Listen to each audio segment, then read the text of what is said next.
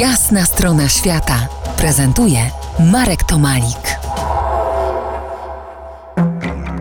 Próbuję dziś zebrać wieści dobre i złe i zastanowić się, posnuć bardziej dojrzałe refleksje o niedawnych pożarach w Australii.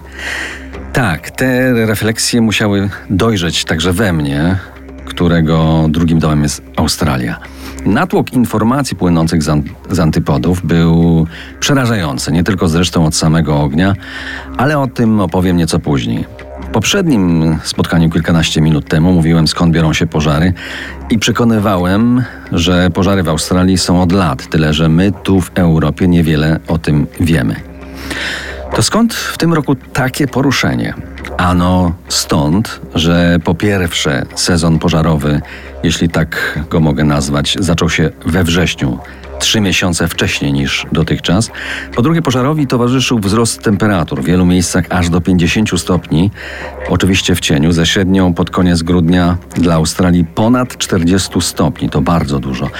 A po trzecie, objął swym działaniem największy w ostatnich latach teren i to w dodatku z najmocniejszym nasileniem w dwóch najbardziej ludnych stanach Australii, to jest w Nowej Południowej Walii, gdzie stolicą jest Sydney i Wiktorii, gdzie stolicą Melbourne tych dwóch względnie powierzchniowo małych, obejmujących zaledwie jedną siódmą powierzchnię Australii, y, Stanach mieszka ponad połowa mieszkańców tego wielkiego kraju.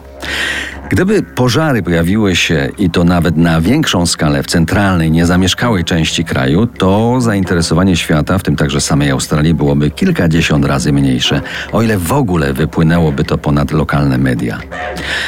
Tak już niestety działa nasz cywilizowany świat i w tej cywilizacji dość ślepy świat. Trudno dziś z tym walczyć, ale warto mieć świadomość takich mechanizmów, przesiewać i relatywizować otrzymane z różnych źródeł informacje.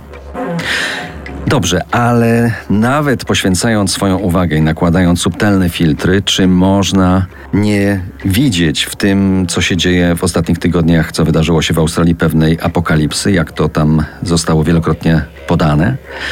Otóż wydaje mi się, że można, a nawet trzeba. Wydaje mi się, że trzeba przyjrzeć się powodom tak wielkich pożarów, zwłaszcza w południowo-wschodniej części Australii. Stan mojej wiedzy i refleksji postaram się Wam przekazać za kilkanaście minut dzielonych piękną muzyką RMF Classic. Zostańcie z nami po jasnej stronie świata. To jest jasna strona świata w RMF Classic.